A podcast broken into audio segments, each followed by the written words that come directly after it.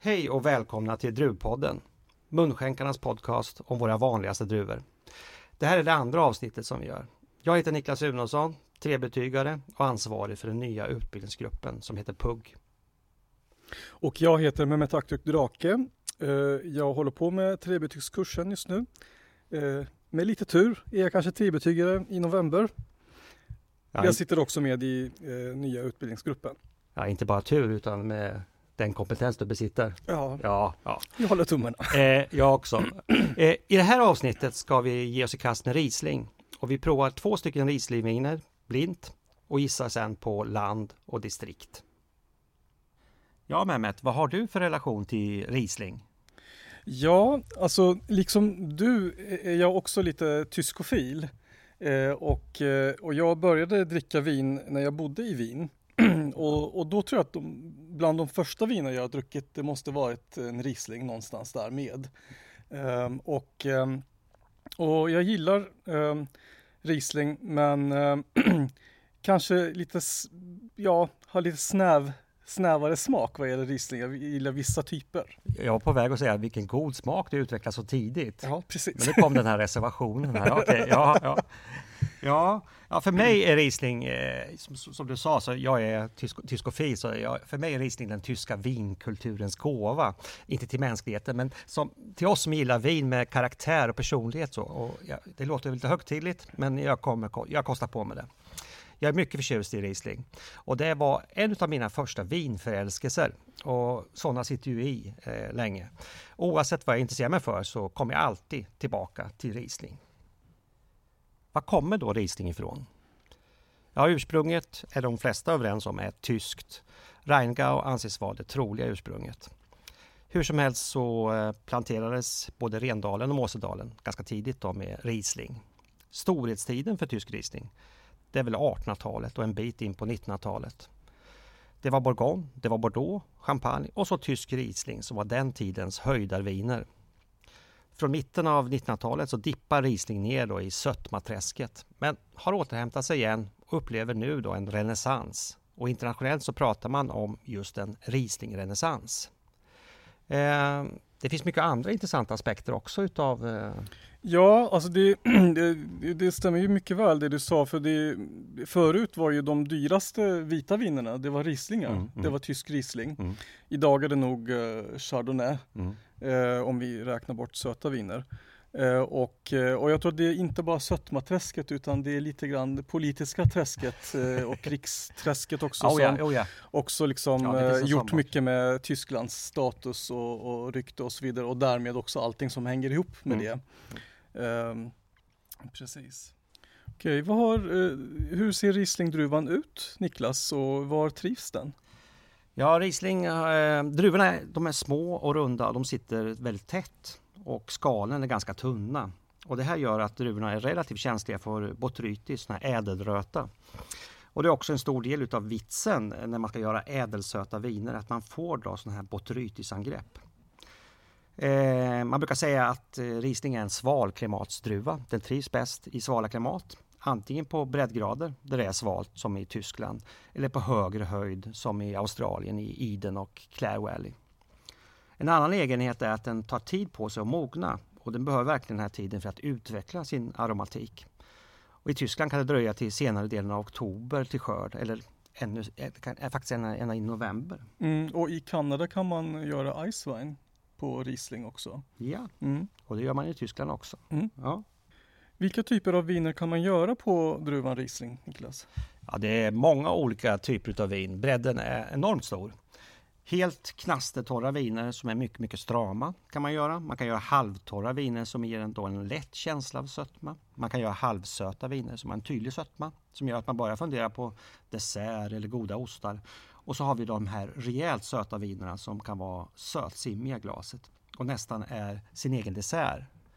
En tysk Trockenbeerenauslese från Mosel den är ju fantastisk. Den vill man bara njuta av i sin egen rätt. Eller? Flytande guld. Det är verkligen så. Sen tycker jag att vi bör nämna mousserande viner också. Eh, Även om det är mest i Tyskland som man gör mousserande vin på Riesling, då, tysk sekt. Eh, Och funderar man lite grann på, på, på Riesling och bredden, alltså, finns det någon annan grön druva som har en sån här bredd? Ja, kanske Chenin Blanc från Loire i Frankrike. Det finns ju en del som säger att det är Frankrikes svar på Riesling. Mm. Men inte lika god. Mm. Och hur um, gillar du tysk sekt med Riesling?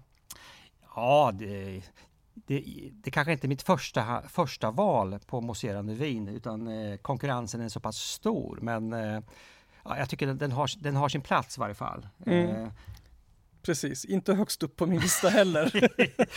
nu, Ja. nu börjar reservationerna komma här. Ja, precis. Ja, okej. ja. ja men ja.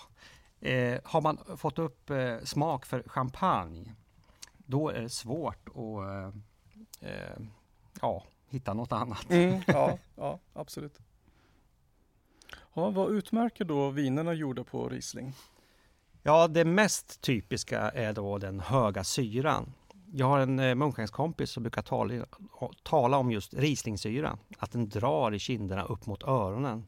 Och jag tycker det är en eh, rätt bra beskrivning. Och det är ju den här syran som gör att de söta vinerna inte känns platta utan har fräschör. Syran balanserar upp vinerna. Det finns ju en del som har svårt för högsyraviner som Riesling. De tycker att det blir för stramt. Hur upplever du Rieslingens syra? Ja, jag kanske tillhör den, de, den gruppen människor. Ja, nej, jag, jag har inget problem med syra i viner, men jag tycker liksom andra egenskaper av Riesling är intressantare för mig än syran. Eh, och jag tycker liksom att det finns två, om man ska hårdra det, två sätt att göra torr Riesling på. Det ena är, man spelar mycket på syra och mineralitet. Mm. Och då blir de väldigt stra- strama. Den typen gillar jag inte. Eller så kan man spela mer på fruktigheten och blommigheten. Där syran också finns med. Och, och det är den typen som jag gillar bäst. Tänk, där, där är vi helt olika. Precis, Ja. komplementära. Ja, säger, ja vad spännande sådär. Ja, ja.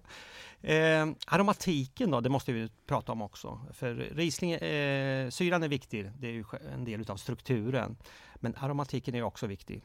Eh, och Riesling är ju en aromatisk druva. Den har ju sin egen aromatik i botten. Det finns ju andra druvor som är neutrala i sin grundkaraktär som, eh, som Chardonnay. Då får man ju pressa på smaker. Men till den kategorin hör inte Riesling. Eh, vad skulle du säga är typiskt för Riesling vad gäller aromatik? Ja, alltså jag tror att när man tar den där strama typen då har man ju mycket citrus av olika slag och gröna äpplen och så vidare.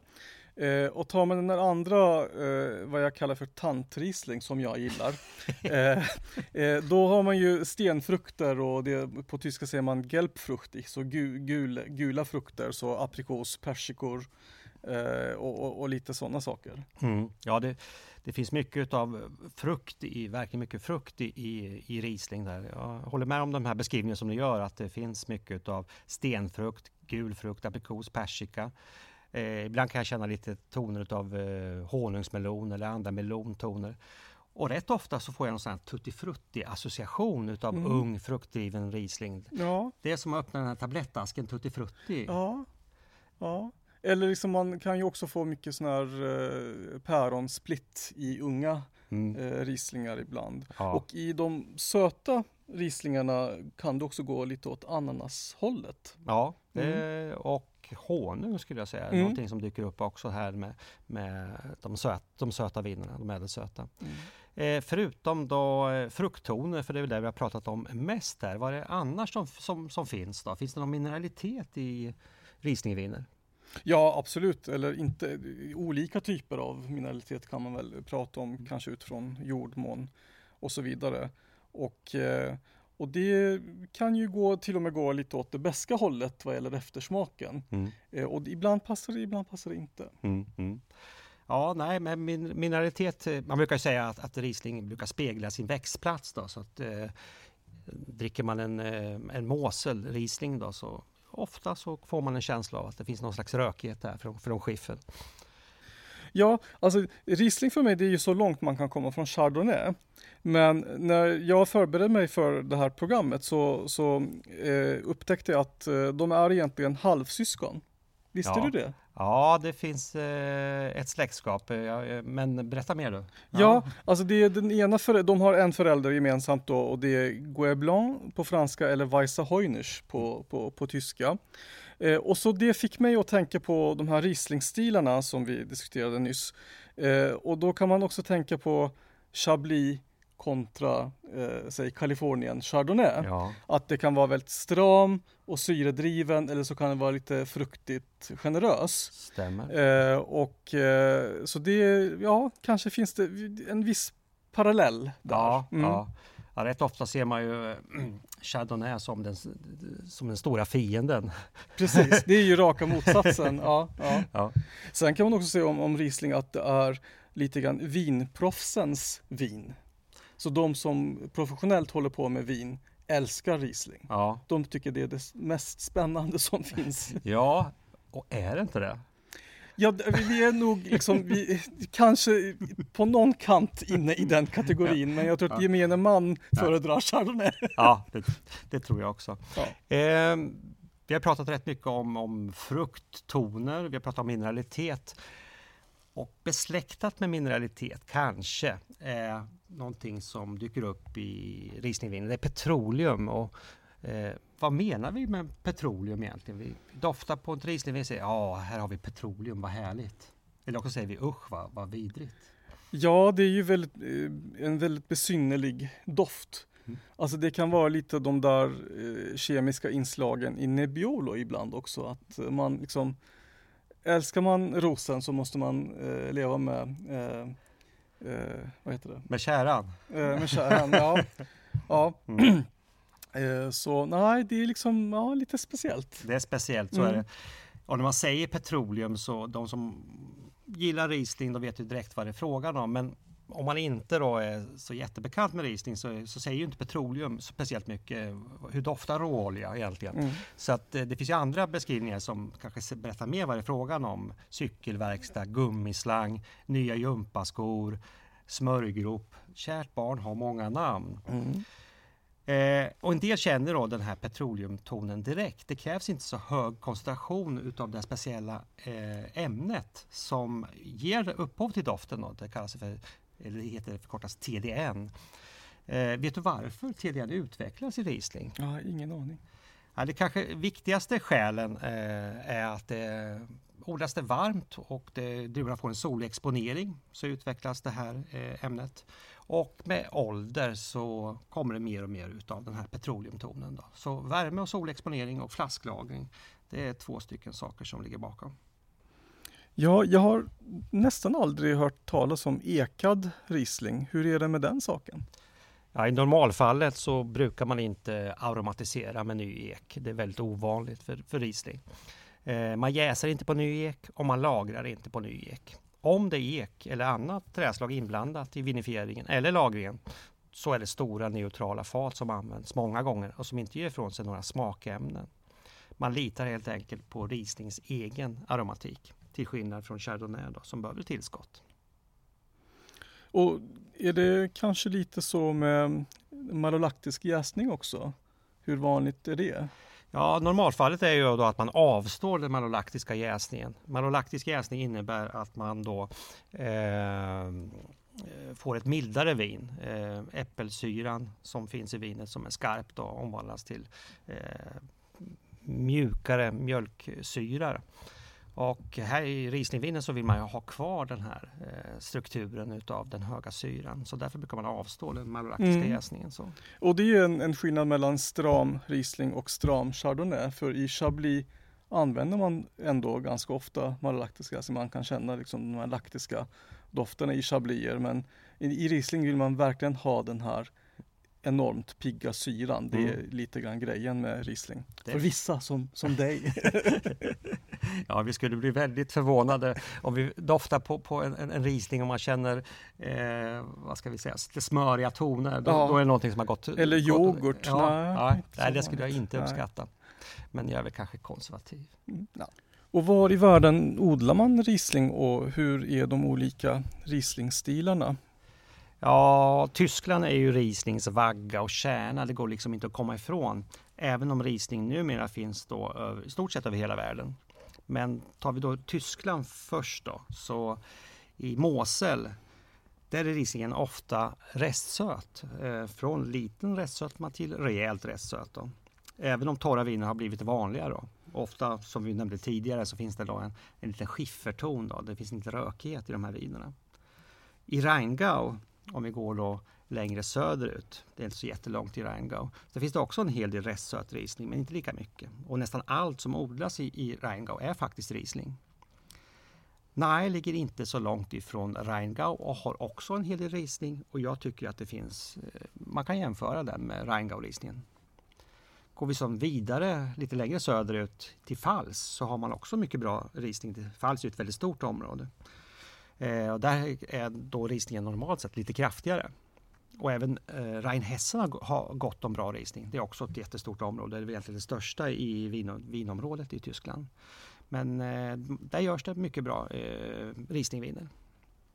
Lämnar vi Tyskland så tycker jag att vi ska då göra ett nedslag i Österrike. I Österrike är det framförallt tre områden som är känd för sin Riesling. Även om det är Grüne Veltliner som är huvuddruvan då i alla de här tre. Wachau är kanske det, det, det mest kända. De har ju sin egen eh, indelning av vinerna också. Annars är det Kempstal och Kamptal. Eh, och ska man generalisera lite grann kring eh, österrikisk Riesling så är det mer, tycker jag, utav mogen, kruff, eh, mogen frukt och kraft som utmärker de här vinerna mm. jämfört med, med, med Tyskland. Det kan också vara högre alkohol där, liksom i Alsace. Mm. Stämmer bra. Eh, Alsace nämnde du ja. Det är ju mm. det enda området i Frankrike där Riesling är tillåten. Och jag tycker som du att Alsace-Rieslingen då är eh, ganska kraftfull. Eh, I likhet med österrikiska. Nya Zeeland har fått en hel del Riesling nu för tiden. Jag tycker då att den bästa finns då på den svalare sydön mm. eh, och de enklare finns då på nordön. Det är lite massproduktionsvarning kan jag tycka. Det är lite som Sauvignon Blanc i, i Marlborough, att det blir lite, lite för mycket. Då. Mm.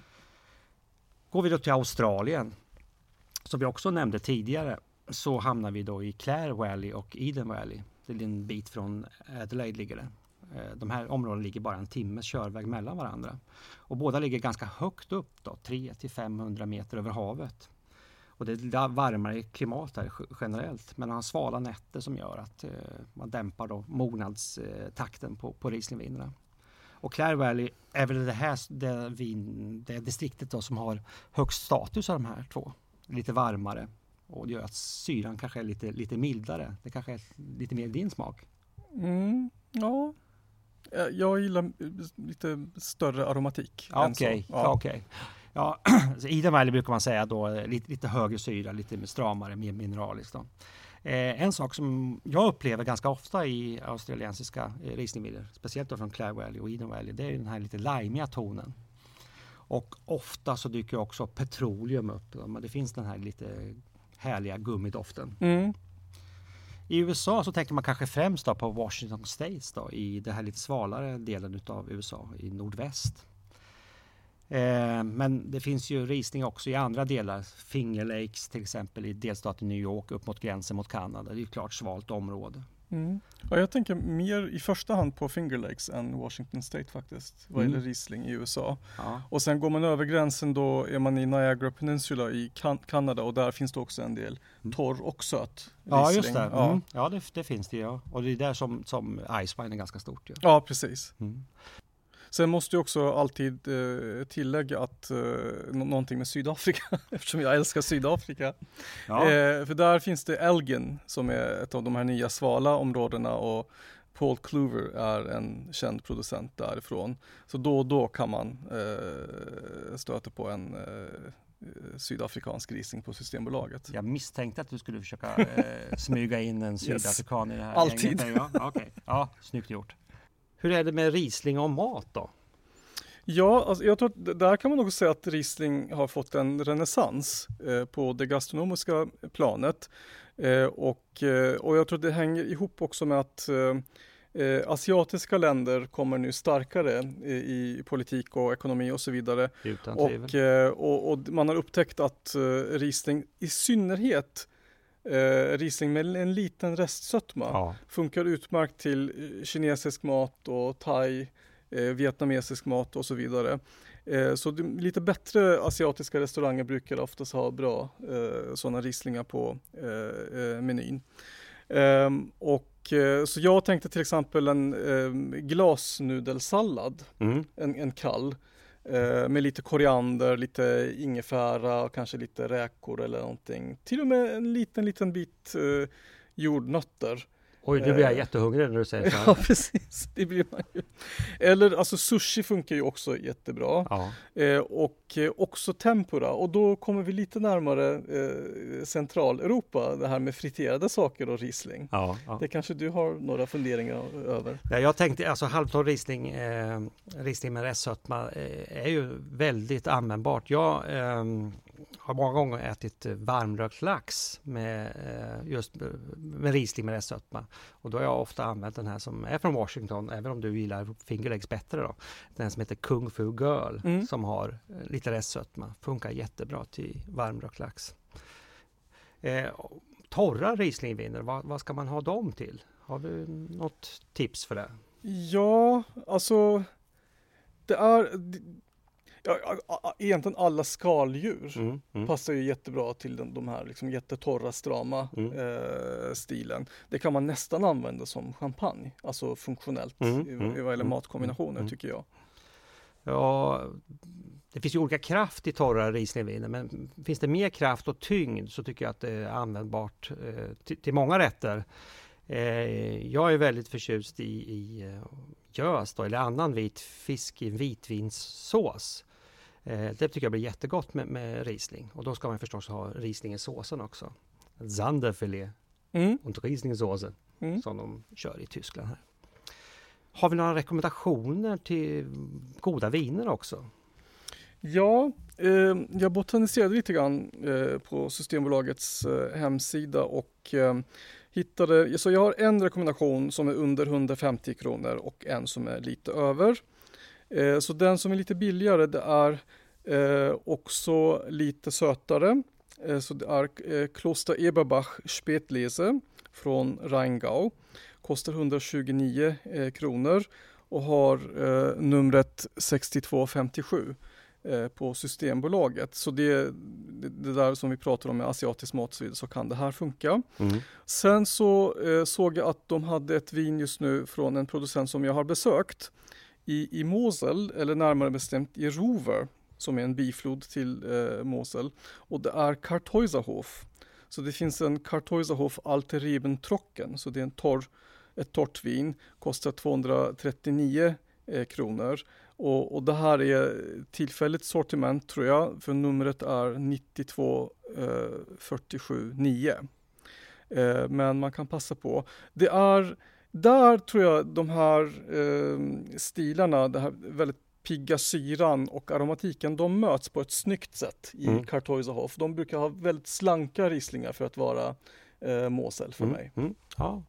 Jag har tänkt eh, torra viner faktiskt eh, för båda mina rekommendationer. Jag tycker att Trimbachs standardriesling som ofta finns på de flesta systembolag är ett riktigt, riktigt bra vin. 150 kronor kostar det. 2639 artikelnumret. Och eh, Trimbach släpper inte sina viner direkt utan nu är det 2016 som säljs. Då. Annars är ju eh, vinerna oftast väldigt unga. Nu säljs då 2018, i bästa fall 2017. Så det gör lite grann om man kan hålla de här ett, par år. Det, det händer någonting med, med aromatiken då. Eh, ett annat torrt vin som eh, jag gärna rekommenderar det är från Australien, från Clare Valley. Det är Grossets Polish Hill. Eh, det är ett av Australiens bästa Rieslingviner. Det finns i en del butiker eh, 2017 faktiskt med artikelnummer 9641. Det kan man leta upp, det finns i eh, några butiker. Nå, nu har man också släppt 2018 eh, utav Polychill. Eh, den heter 91628. Och det här vinet är lite dyrare, kostar 349 kronor.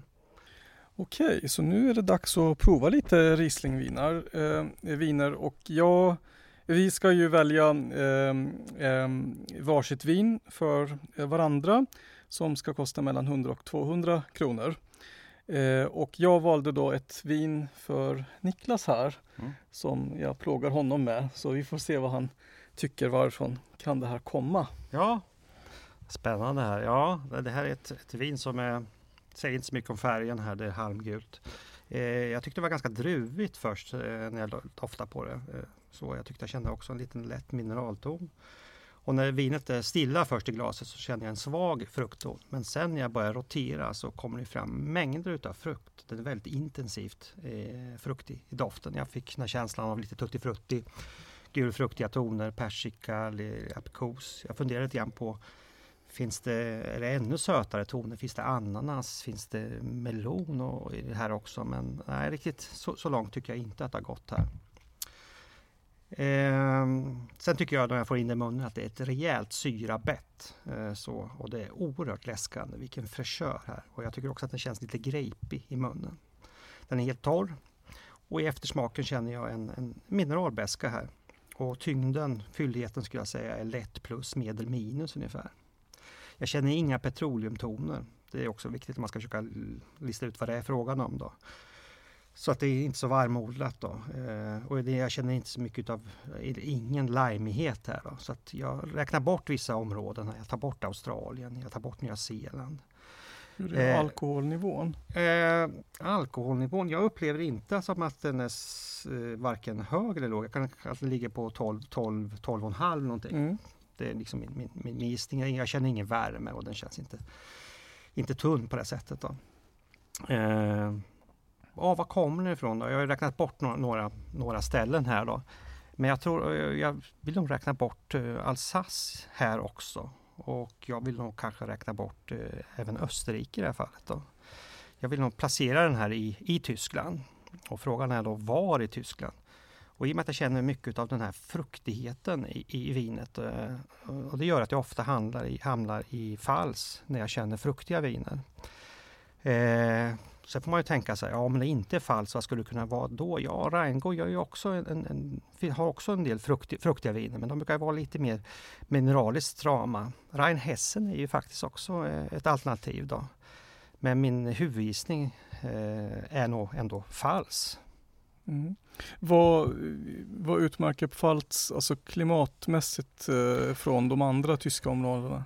Ja, Fals är ju lite, lite varmare. Man kan säga att eh, Fals är en förlängning utav Alsace. Vi har ju Hartbergen som, som skyddar Fals då från, från kalla vindar, så det är ett skyddat klimat. I, eh, Vogeserna är det ju Alsace då, så att det är ett varmare, varmare klimat. Då. Det är också skillnad i Fals. Då, mm. Så i, i mittersta delen av Fals tycker jag att man har då generellt eh, fruktiga viner. Mm. Kristman tänker jag på till exempel. Mm. Mm. Så du tänker dig alltså svalt klimat men ändå vissa, alltså inte sådär superkallt och Nej. kanske lite soligt ja, och torrt? Känns, ja, ja. ja det, okay. det, är i alla fall min, den bilden jag får då här. Mm. Eh, men jag har haft fel förr. Ja, du är ju alltså i, i rätt bana. Mm. Eh, jag upplevde det här vinet eh, ganska annorlunda jämfört med dig, men ja. jag vet ju vad det är. Ja, så ja. det är också liksom sådär, inte helt eh, objektivt. Mm. Men jag ska kanske inte gå in. Men jag hittade en rolig grej som jag aldrig har känt i ett vin tidigare. Gurka. Okej, okay, men det är ju Alltså tänk med... gurkköttet. Alltså, ja, ja. ja. Men den är ju besläktad med melonen så att eh, ja, det finns ju en beröringspunkt. Det där. var ju mm. lite mm. intressant. Och sen så hittade lite um, eftersmaken tyckte jag var lite intressant. Det var mm. lite, lite kartig eftersmak. Jag fick nästan lite sådana lite rabarber mm. uh, och så. Och sen hittade en liten, liten kryddighet någonstans också. Kanske no någonting lite vin Eh, vitpeppar eller någonting sånt där. Mm. Mm. Mm. Men väldigt mm. lätt kropp. Mm. Väldigt, ja. väldigt lätt kropp. Ja, den, den, är inte så där tung. Ja. ja, du lägger lite, lite mer kryddiga toner i, i beskrivningen ja, här. Alltså det är ju inte den här superkryddiga för i Alsace eh, och så Österrike kan de vara kryddigare än så. Men bara en lätt kryddighet. Mm, mm, mm. Ska jag avslöja ja, jag, jag, vad det är för ja, någonting? Ja, ja, Det här blir tror jag en, en liten överraskning för dig. ja. Oj, oj. Aha, Vi är i var. Australien. -hmm. Det är Clare Valley och producenten heter Jim Berry eh, och eh, vinet heter Lodge Hill Riesling eh, 2018. Och eh, jag kan berätta lite om vinet. Så det här eh, jag letade efter en australiensisk Riesling mm. för att vara utanför Europa. Och då var det det här som fanns just ja, då. Ja. Och det här kostar 179 kronor eh, och har numret 90535. Mm. Eh, och, eh, och förra årgången av det här vinet, inte den här årgången, förra fick hela 95 poäng i decanter Wow. i en blindprovning. Oj, oj. Mm. Och det här är då Clare Valley som du känner mycket väl. Och det här kommer från den högsta delen av Clare Valley, Mm. 480 meter över havet. Eh, och det är brun lera eh, på toppjorden och sen under eh, eh, det är det skiffer och kalk och jag tror att det kommer fram här i den här mineraliteten Mm. lite grann. Mm. Ja, Ja, vad säger du om det? det var väldigt överraskande. Nej, men eh, ja, man måste alltid gå, man går ju på sin, sin upplevelse ju. Ja, Och så ja. går man ju på sin tidigare kunskap och tänker, man måste ju Mm. bara räkna bort vad det Mm. inte kan vara. Jag tänkte, Och och, du- jag tog bort det tidigt. Ja, och du hade ju till och med druckit den här allmän, allmänbildande vinet Ja, från Clare Valley Ja, igår visst, kväll. ja visst, jag, jag ber, ja det är förödande, det är förödande här. Ja, men jag måste också i Niklas försvar säga att han ha, har en, en tung förkylning bakom sig med lite eh, symptom som dröjer kvar. Ja, Så, ja. Nej men eh, jag tyckte sagt var inte att jag fick den där limeiga känslan och jag kände ju inte någonting utav några gummitoner alls där. Mm, Och det var ju som två stycken eh, markörer som jag, hade jag känt det hade jag placerat mm, mm. i, i, Men så, så är det. Ja, Blindprovning är det är svårt. också så att det här vinet har stått i glaset i en timme. Så det hade kanske, du kanske hade fått lite andra intryck om vi precis hade hällt vinet eller något sånt där. Jag vet inte om Inga fler undanflykter. Och då är det fritt, fritt fram för mig att eh, göra bort mig vid nästa, med nästa vin. Ja, man ska säga att det, det är ett väldigt gott vin. Ja, det var gott. Det är inte riktigt min typ av eh, Riesling, men eh, det är liksom slankt. Och det här kan jag tänka mig till skaldjur till Ja. exempel. Ostron Ja. eller något Mm. sånt där. Mm. Jaha, då ska vi gå in och prova Riesling nummer två här då. Och det är jag som har gjort valet och det är du Mehmet som ska få beskriva vad du upplever och Yes. Ja, det här var väldigt annorlunda jämfört med första vinet. Så första eh, var ju lite åt det vattniga hållet. Det här är vad jag kallar för en allvarlig stil av Riesling. Så det är stramt men också har, har också en viss fyll, fyllighet eh, kände jag. Mm. Eh, men ja, färgen är halmgul, liten, liten, jätteliten guldtouch där, inte så informativt. Sen finns det en mineralitet i doft och smak. Eh, ganska knuten doft. Så det är liksom, Mm. jag tyckte att det hände inte särskilt mycket eh, eh, med aromerna men anade lite gula äpplen. fanns en eh, lätt kryddighet eh, som drar mer åt ehm, mm, ah, inte helt julkryddor men lite varmare kryddor av något slag. Liten dru, druvighet och eh, eh, syran är hög. Och det här är ju lite fylligare så då blir det någon slags medel då eh, vad gäller Riesling. Eh, helt torr och ehm, upplevde att alkoholen kanske var en aning högre också här, kanske åt 13 hållet. Eh, och ehm, ehm, eller det, det är någonting som gör att det, det här vinet känns lite fylligare. Mm. Eh, Men det finns liksom inte den här roliga aromatiken som jag gillar. Så det är därför jag sa att det det här är ett allvarligt Mm. vin som drar lite åt det kliniska hållet för mig. Så här är liksom motsatsen till eh, vad jag brukar eh, tycka är, som är bäst med Riesling. Mm.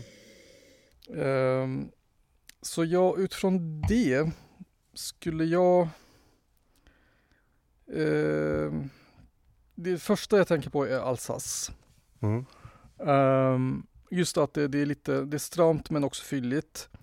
Ehm, och eh, syran är inte så um, superpigg. Alltså den är där men inte, Mm. det är inte någon eh, broiler eller något sånt där. Ehm, så ja, jag får lite, alltså österrikiska rieslingar sägs också ha lite Alsace-liknande eh, egenskaper. Om man får ta en sista klunk här. Ja, jag tror att Alsace blir min första gissning. I andra hand kanske Rheingau. Um, ja, men det är ja, i alla fall den här strama stilen någonstans i Europa där mm, mm. Uh, för mig. Mm. Ja, jag tycker det är en mycket bra beskrivning. Jag upplever rätt mycket av uh, samma saker i det här vinet. Jag tycker att det är en, en, en stram som du säger, allvarlig eh, risning. Jag gillar ju de, de strama och de allvarliga saker, sakerna här. Eh, men för, jag tycker att han har en, en, en, en hel del aromatik också. Mm -hmm. eh, så att jag skulle inte vilja säga att den enbart jobbar på, på det strama spåret utan att det finns en del frukt som, som eh, väger upp då det här eh, syrakittet som den har. Jag tycker att den har ganska hög syra. Så. Mm. Mm. Jag känner att det sopar helt rent i munnen. Så. Ja, den är hög men eh, som vissa säger, mm. den är buffrad. Alltså, Det mm. finns andra saker förutom mm. syran som mm. bidrar till kroppen så att säga. Ja, ja. ja. Jag tycker också att den doften är väldigt ren, alltså så kristallklar, alltså verkligen eh, pärlande bäck. Då. Mm. Och ska man placera den här pärlande bäcken någonstans så är det ju i, eh, att bäcken rinner från Vogeserna. Så du är inne på helt rätt spår. Jaha, okay. ja, ja right. Så den kommer från, från eh, Alsace. Yes! Vad bra! Och, den är, och den är, är kanske... det din gamla vän Trimbach? Eller? Ja, visst är det det. Man ska ju ta med sig sina favoriter ja, ja, ja. och dela med sig. Mm, så, mm. Ja, Även om inte din, det är din favorit men så är det en, en, en lite stramare eh, Alsace mm. eh. Mm. Sådär. Mm. Ja men det finns ju liksom, jag tycker med Alsace Rieslingar så finns det alltid, jag tänker Alsace för mig det är Gewürztraminer. Mm. Det är Alsace doft för mig, det är Gewürztraminer. Sen kan man liksom dra ner på volymen på det ordentligt och ändå ana någon typ av sån här lite kryddor och rosor och sånt där aromatik i bakgrunden. Så det mm. brukar jag liksom hitta någonstans mm. en aning av det, mm. fantomkänsla mm. av det. Ja, ja. Eh, även i sådana här strama Alsace-rieslingar. Mm. Ja, det finns något, något, något kryddigt som slår igenom, det, det, det, tycker jag definitivt. Det här vinet då eh, heter, eller har artikel nummer 2639 och kostar då 150 kronor. Och det är ju samma vin som jag rekommenderade tidigare. Mm. Eh, men som sagt var, det, det är ju jobbar då rätt mycket i den här lite strama stilen och mm. man måste tycka om den. Mm. Du har lyssnat till Munskänkarnas druvpodd. Den här gången om Riesling. I nästa avsnitt är det Sauvignon Blanc som är i fokus.